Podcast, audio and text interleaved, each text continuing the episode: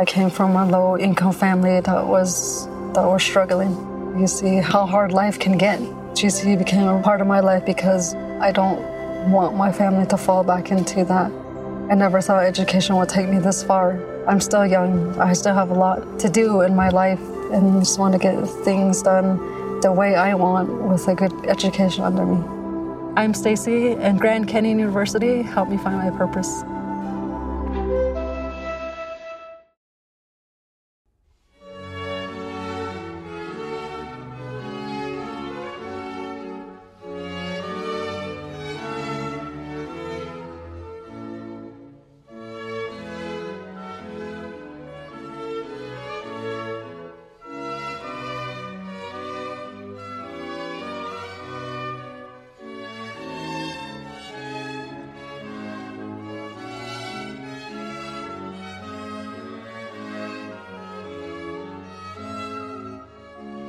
Welkom bij Koinonia Bijbelstudie Live, het internetkanaal van Robert Veen voor de studie van de Bijbel, het woord van God.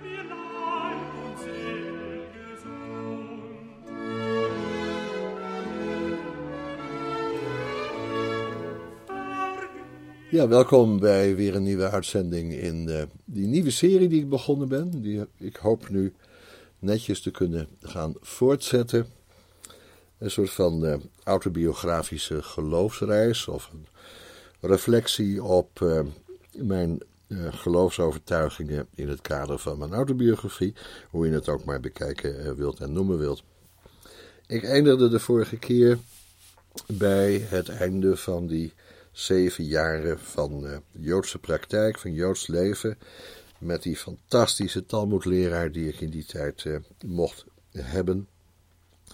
Ja, en toen kwam er toch een moment uh, dat we moesten beslissen: wat, wat gaan we nou doen? Gaan we door met deze vorm van proselytisme? Er was ons ook voortdurend aangeraden om naar Israël te gaan, daar in een kibbutz te gaan zitten en daar dan die uh, te doen.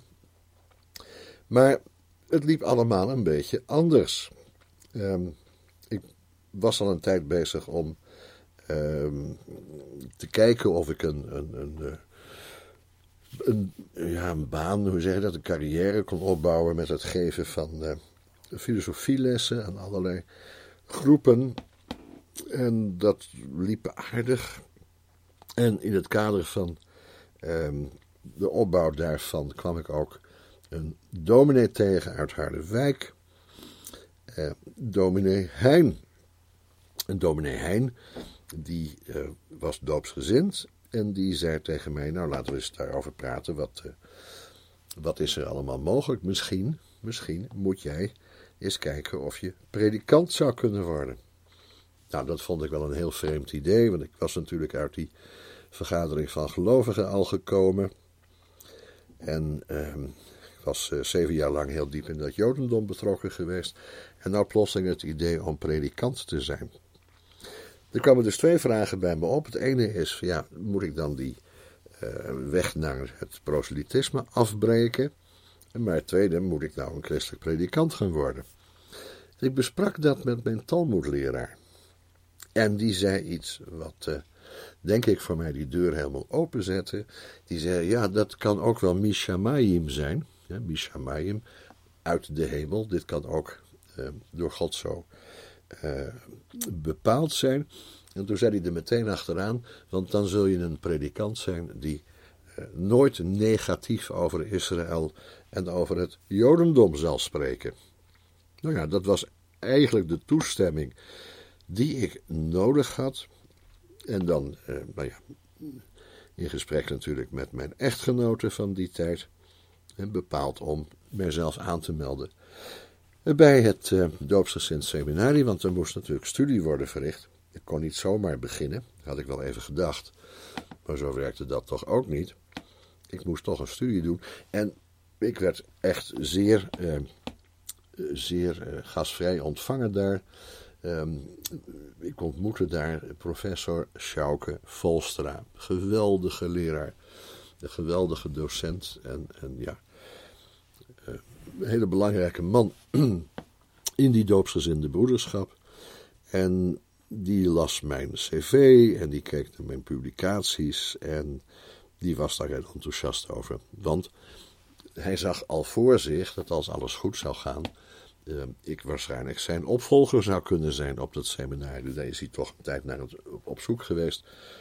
En dat was allemaal niet zo goed gegaan, maar hij zag in mij een mogelijke opvolger. Dus ging ik studeren aan het Doopsgezint Seminarie. Op basis natuurlijk van mijn uh, doctoraal examen filosofie en mijn doctoraal examen theologie. En mijn doctoraal examen Semitische talen. Die laatste twee niet uh, officieel, maar wel materieel. Hè? Dus dat ik alle studie had volbracht die me daarbij hoorde. Ik had eigenlijk drie doctoraal examens kunnen of moeten doen. Is niet gebeurd. Ik ben alleen maar uh, doctorandus in de filosofie geworden toen. Maar maakt niet uit. In ieder geval was dat uh, indrukwekkend genoeg blijkbaar om toelating te krijgen tot de doopsgezinde broederschap. Nou had ik daar natuurlijk wel even grondig over nagedacht. En ik had iets heel bijzonders gevonden in die doopsgezinde traditie. Vooral ook door werk van Jacques Volstra, maar ook wel door de Amerikaanse theologen eh, uit die beweging die ik tegenkwam. En dan in, vooral natuurlijk John Howard Yoder. John Howard Yoder, ja, dat is toch een geweldige theoloog geweest met een hele bijzondere uitstraling. Maar belangrijker dan dat alles was mijn kennismaking met het werk van Menno Simons, de Friese kerkhervormer die aan de basis stond van de Nederlandse tak van de radicale reformatie. Je had ook nog een Zwitserse tak en een Duitse tak, een Zuid-Duitse tak enzovoort. Maar de Nederlandse variant die kwam uit Friesland. En Menno Simons ja, was toch de grote man en vandaar Mennonieten of Menisten als uh, naam voor, deze, voor de aanhangers van deze beweging. En bij Menno Simons was er, waren er een aantal punten van belang. De, enorme nadruk op de scheiding van kerk en staat. Hè. De kerk was niet voorbestemd om de samenleving te dienen. Hè. Dat heette Constantinisme en dat werd met name door Joden goed geanalyseerd en verworpen als een onkerkelijke houding. Hè. Laat de kerk nou de kerk zijn profetische stem tegenover de overheid. Maar die overheid, ja, overheid en kerk moeten niet als één enkel geheel gezien worden. Heel belangrijk. Een tweede punt is dat bij Menno Simons heel nadrukkelijk naar voren kwam dat het uiteindelijk niet ging om de orthodoxie, dat wil zeggen de juistheid van je geloofsovertuiging. En daar kwam ik natuurlijk vandaan uit die vergaderingssfeer. Daar werd ontzettend gehakketakt over de juiste uitleg en uh, ja, de dogmatische zuiverheid van je positie, zeg maar. Maar het ging niet om de orthodoxie, het ging om de orthopraxie. Orthopractisch wil zeggen dat je in je gedrag, in je levenswijze, helemaal conform de leer van Jezus, de opdrachten van Jezus leeft. Hè? Dat je de wet van Christus serieus neemt. En dat vond ik een hele interessante gedachte, omdat dat nou precies de motivatie was geweest om bij die vergadering van gelovigen weg te stappen en via die filosofische, kritische reflectie op eh, mijn geloof op dat moment, tussen mijn achttiende en, dan in die Joodse periode ook nog, eh, dat ik op het punt kwam van ja, maar daar draait het dus ook om. Hè. Het draait om die daden die woorden te boven gaan, zoals ze dat eh, met de doopsgezinden heel kort formuleerde. Vrij in het christelijk geloven, daden gaan woorden te boven. Dus word ik een minister voorganger. Dat heeft wel enige tijd in beslag genomen. Intussen ook nog een dissertatie geschreven over de wet van Christus. Obedience to the law of Christ, gehoorzaamheid aan de wet van Christus was het grote thema. En daar kwamen voor mij al die thema's een beetje samen.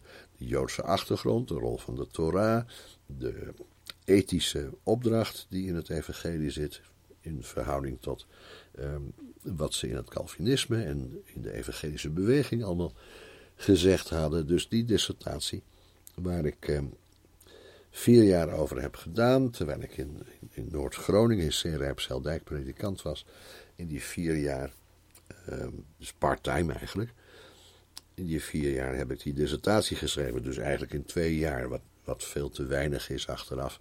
En dat zie ik ook wel. Het is een beetje een haastige dissertatie geworden.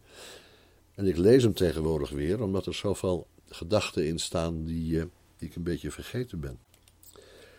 Maar die dissertatie, Obedience to the Law of Christ, die gaat dus nadrukkelijk ook in op de verhouding tot de Torah en op de noodzaak van een christelijke casuïstiek. Dat was heel anders dan bij Karl Barth, die ik natuurlijk ook nog uh, lange tijd met veel plezier, tot op de huidige dag trouwens, uh, gelezen heb en nog steeds lees. Een hele andere sfeer van denken. Um, ja, orthopraxie. Dat zou binnen dat ministerkader toch noodzakelijk zijn, maar orthopraxie veronderstelt een bepaalde mate van orthodoxie. En dat wil zeggen minstens een trouw aan de schrift. Maar ik merkte al gauw dat die trouw aan de schrift nou juist iets was wat eh, doopsgezinden, die hele bijzondere Nederlandse tak van de ministerbeweging wereldwijd, dat die doopsgezinden daar eigenlijk helemaal niet zoveel trek in hadden. Je kon wel zeggen dat ze bezig waren met het vredesgetuigenis, dat was natuurlijk heel aardig. En dat ze een uh, reputatie hadden van stille in den landen. Hè? Dus niet al te veel ophef maken van je eigen positie, verdraagzaam zijn enzovoorts. Maar dat was eigenlijk nog veel verder gegaan.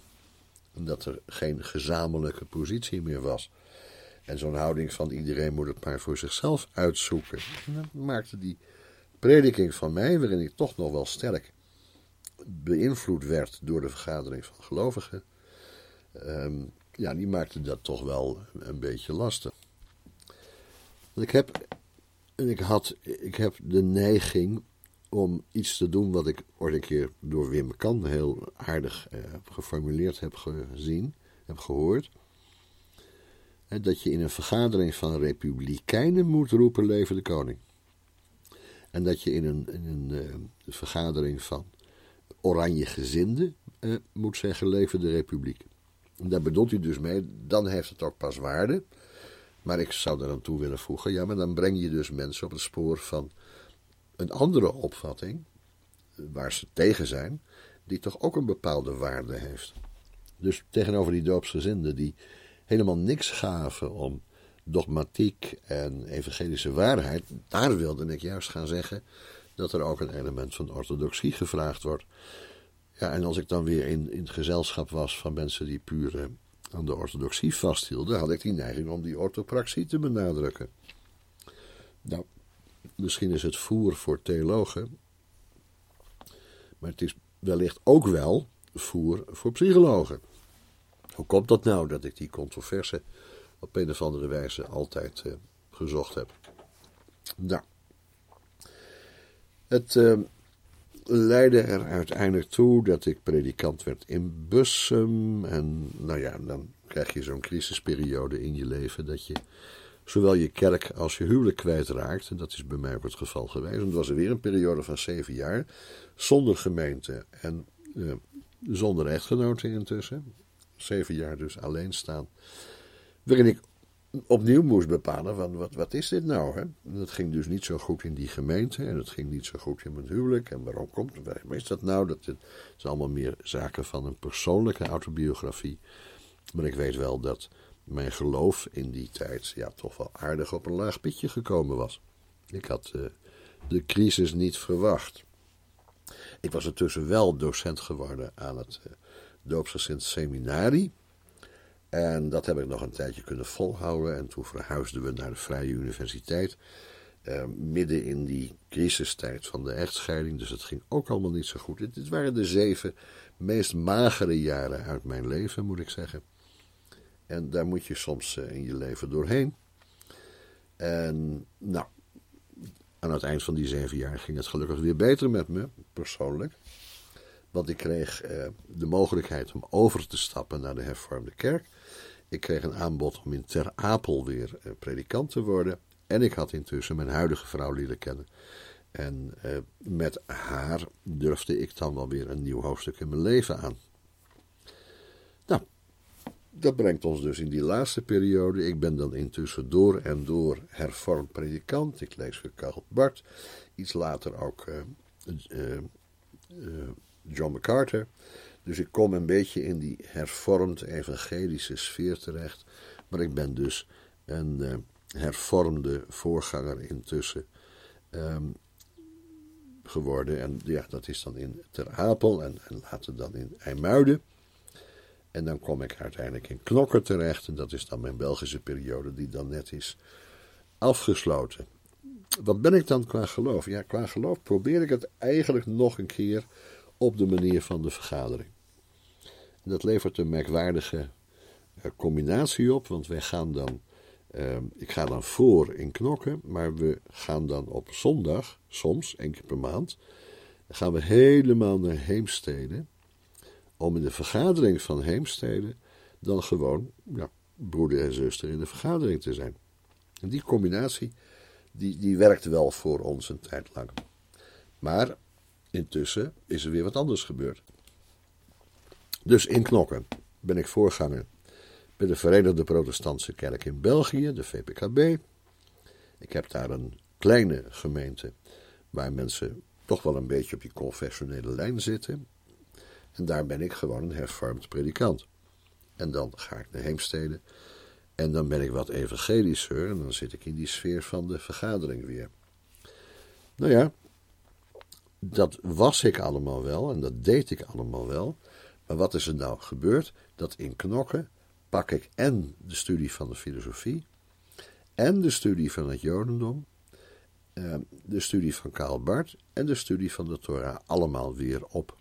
Want die vragen die me uh, bezighouden, die uh, een tijdje lang opzij gedrukt zijn, omdat ik simpelweg in, uh, in Ter Apel gewoon een keurige hervormde dominee moet zijn.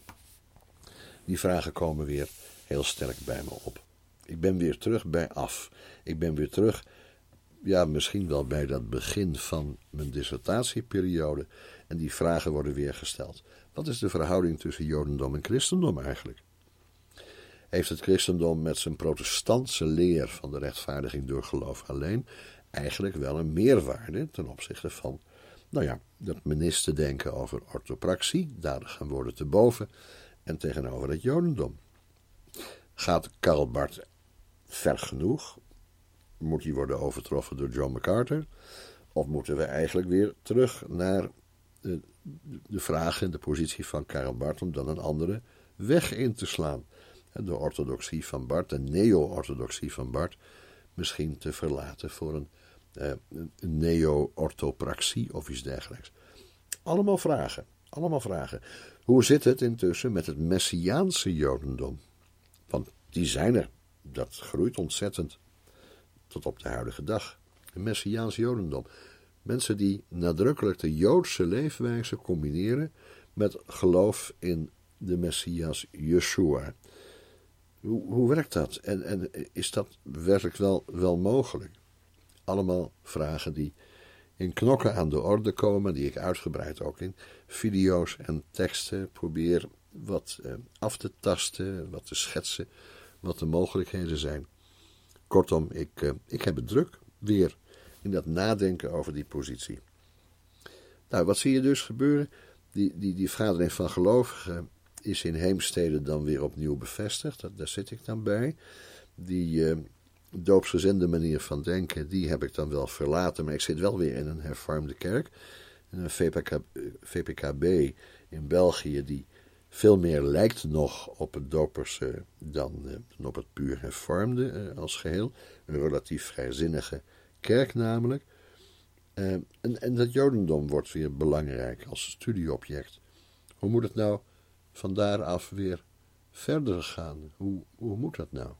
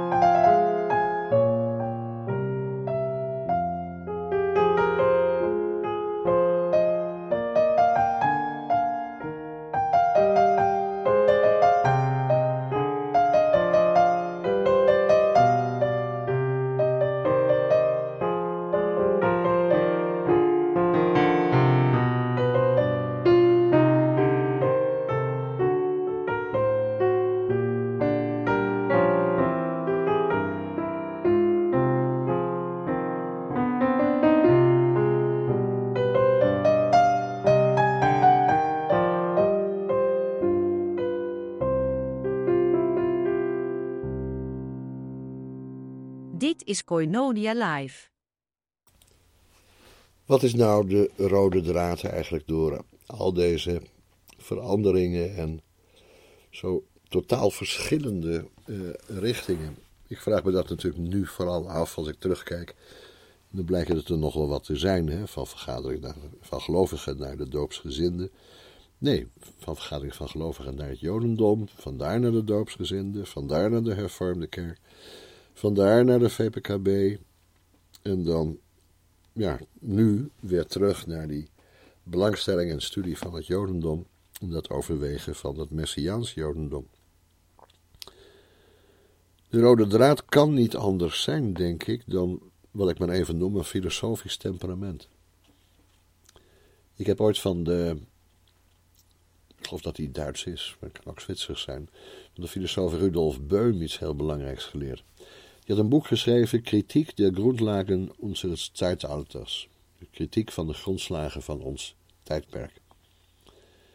En in het introducerende hoofdstuk, waarin het gaat over de functie en de aard van filosofische kritiek, zegt hij het volgende: kritiek wordt gelegitimeerd en is gebaseerd op de kritiekwaardigheid van zijn voorwerp.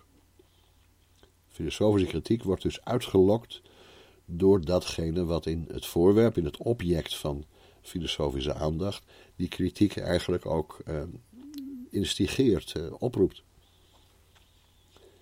En wie het temperament van een filosoof heeft, die hoeft dus ook geen beslissing te nemen over de vraag of je iets kritisch analyseert. Dat is automatisch.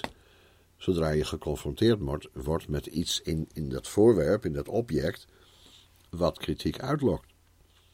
Dat is bijvoorbeeld in de vergadering van gelovigen de fundamentalistische, uh, literalistische manier van bijbellezen. Het, het niet erkennen van een soort dogmatisch raamwerk waarin die schrift gelezen wordt, zodat de pretentie ontstaat dat zij en zij alleen de Bijbel volledig eh, naar waarde schatten en correct interpreteren. Hetzelfde in die vergadering, de enorme, enorme overdrijving, zeg ik dan nu vanuit mijn standpunt, van het christocentrische denken dat ze hebben. Het gaat alleen maar om de aanbidding van Jezus. Een, standpunt dat ik vanuit dat Jodendom, maar ook filosofisch gezien, toch als een heel beperkt eh, standpunt moet zien. Kijk, nu kan ik dat in een ander verband ook nog duiden en zeggen: nou ja, dat is de nasleep van een manier van denken die begint met Nicea, met het Triniteitsdenken waarin de persoon van Christus als de ultieme openbaring zowel tegen de gnostiek als tegen het jodendom ingezet wordt, eh, om, om hele nadrukkelijke eh, scheidslijnen te krijgen. En vervolgens in dat jodendom, ja, daar heb ik dus in de vorm van filosofische kritiek eigenlijk niks kunnen vinden. Dat was toen al zo. Dat was een puur praktische aangelegenheid.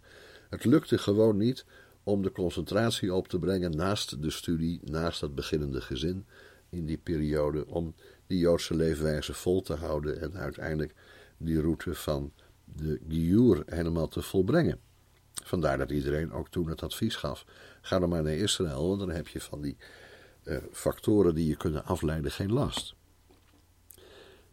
Bij de doopsgezinden was natuurlijk weer de filosofische kritiek dat uh, zij misschien wel te veel de nadruk legden op een wat vage en onduidelijke uh, orthopraxie. Ehm, want het vredesgetuigenis waarvoor men pal wilde staan, dat, dat sprak men wel aan, maar het lijkt me toch ook in ethisch opzicht niet helemaal volledig. Um, maar de doopsgezinde, de doopsgezinde theologie, de officiële doopsgezinde theologie, uh, leek mij toch zeer de moeite waard. Die heb ik dan ook lange tijd onderwezen. Ehm, als uh, docent aan het uh, doopsgezind seminarie, dat wil zeggen als docent aan de Vrije Universiteit. Ehm, met als leeropdracht christelijke ethiek in dopersperspectief. Dat heb ik ook een aantal jaren gedaan. En dat is op zich een hele plezierige tijd geweest op intellectueel vlak. Maar ja, dat is dus precies ook de periode van de echtscheiding. Dus dat werd ook weer in een praktische of pragmatische zin eh, heel lastig. de breuk met uh, dat doopsgezin en die overgang naar de hervormde kerk. Ja, die hervormde kerk. Daar had ik eerst sterke kritiek van, uh, vanuit uh, Karl Barth. Um, dus Karl Barth werd voor mij toch ook ja, het breekijzer waarmee ik heel veel aan de hervormde theologie toch niet erg waarderen kon. Ik was wel lid van de confessionele vereniging. Ben later ook lid geworden van de Gereformeerde Bond. Omdat ik die beide groepen steunen wilde. Want daar werd tenminste nagedacht op een principieel niveau over al deze zaken. Maar ik voelde me daar toch ook weer niet helemaal thuis. Opnieuw dus die, die filosofische benadering. Eh, de houding van kritiek, het temperament waarmee je toch probeert om een opvatting tegen het licht te houden en te bestoken met alles wat je maar in huis hebt. Eh, om te kijken of het bestand is tegen die kritiek. En alleen maar te accepteren wat tegen die kritiek bestand is. Bijna een soort van Cartesiaanse houding. Hè? Zo gaat Descartes uh, kijken naar de grondslagen van onze kennis. Om dan te ontdekken dat bijna niks daarvan uh, zomaar te handhaven valt.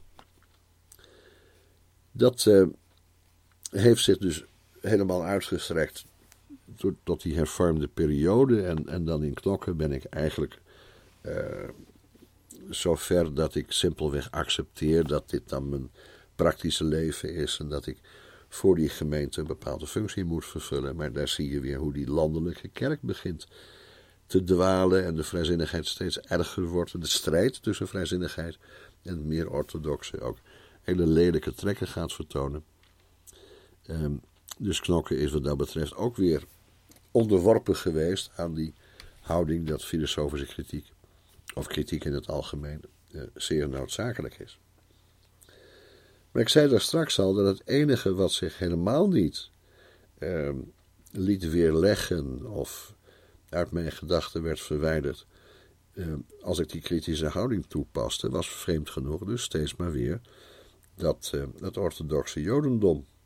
Ik heb daar tot dusver eigenlijk niks in kunnen vinden waarvan ik zeg, nou dat is zo fundamenteel verkeerd, zo fundamenteel onjuist, dat je dat moet laten vallen. En dat gaf dan de gedachte in, in de periode van knokken en vlak daarna, en nu zit ik intussen in Annapolona, ik ben met pensioen, dat idee van dat Messiaanse Jodendom. Dan was er een gemeente in Amsterdam, beetje Shoah, en uh, nou, daar zijn we naartoe geweest. En daar zagen we een, een poging om het te combineren. Dus een Joodse eredienst. Uh, toch wel anders dan ik het gewend was in die zeven jaren in Amsterdam Oost, in de synagoge van uh, Amsterdam Oost. Um, maar goed, Shema, de Joodse geloofsbelijdenis werd uitgesproken. Het Amida werd gebeden. Uh, ik weet nog steeds niet of het helemaal gebeden werd, volgens mij maar een deel ervan. En dus het 18 gebed was gereduceerd tot een, nou ja, een, een, vier zegeningen gebed. En er waren vreemde elementen in. Er werd een beetje Israëlisch gedanst aan het begin. En er was ook, er werden instrumenten gebruikt. Er werd wel gewoon avondmaal gevierd, eigenlijk elke keer. En er was een preek van de voorganger daar. Um, dat was een meneer Echterman. En dat was het breekpunt, want die sprak daar op zo'n rare, eigenzinnige manier over de Hebreeuwse Bijbel. En tegelijkertijd met een erg van, van absolute zekerheid. Eh, er werd weinig gebruik gemaakt van de rabbijnse tradities daarin. Ik dacht, ja, als dit nou Messiaans Jodendom is, dan is misschien maar 30% daarvan voor mij plezierig, hè, want ik kon dan tenminste weer een keer Yom Kippur vieren. Ik kon weer een keer Rosh Hashanah vieren. Dat, dat was er allemaal dan wel. Maar ja, op een manier waar eh, ik van dacht, ja, dat gaat niet werken. Er is nu een groep in Harderwijk, Bet Ami heet dat, Huis van Mijn Volk. En ja, die hebben een hele lange eredienst. En het is uh, anderhalf uur of lange rijden er naartoe. Anders zou dat misschien op de Shabbat een idee zijn. Maar anderhalf uur heen en dan ruim twee uur daar die dienst, tweeënhalf uur zelfs, en dan weer anderhalf uur terug. eh, dan merk je toch dat je wat ouder wordt en dat je dat gewoon fysiek niet opbrengt. Maar daar zit een soort van geestelijk thuis. Ook al ben ik er niet thuis. Dat, dat, ja, goed, maar dan hebben ze weer een gitaar. En dat vind ik ook zo vervelend. Maar goed, ehm, dat zijn allemaal maar bijzaken. Maar dat Messiaans Jodendom trekt mij dan toch wel aan. En zou ik dat dus mogen zeggen? Ben ik een Messiaanse Jood misschien? Nou ja, ik ben een Jood op grond van dat anekdotische in mijn familie.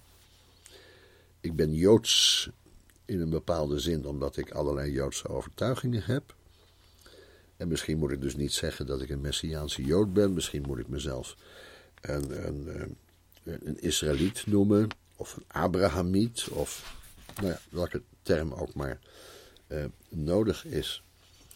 Ik kan mezelf geen Jood noemen omdat die anekdotische herkomst in het familieverhaal natuurlijk niet voor anderen geldt. Omdat ik ook niet echt uh, Jodendom praktiseer, geen Shabbat vier en dat soort zaken. En omdat ik natuurlijk ook echt wel waarde hecht aan de christelijke traditie. En dat levert een soort van twee wegenleer op. Ehm, waar ik nu wel door gecharmeerd ben, dat heeft veel te maken met de theologie van Mark Kinser. En daarover wil ik de volgende keer gaan uh, spreken. U hebt geluisterd naar een uitzending van Kononia Bijbelstudie Live. Ga naar kononiabijbelstudie.nl voor meer audio en video.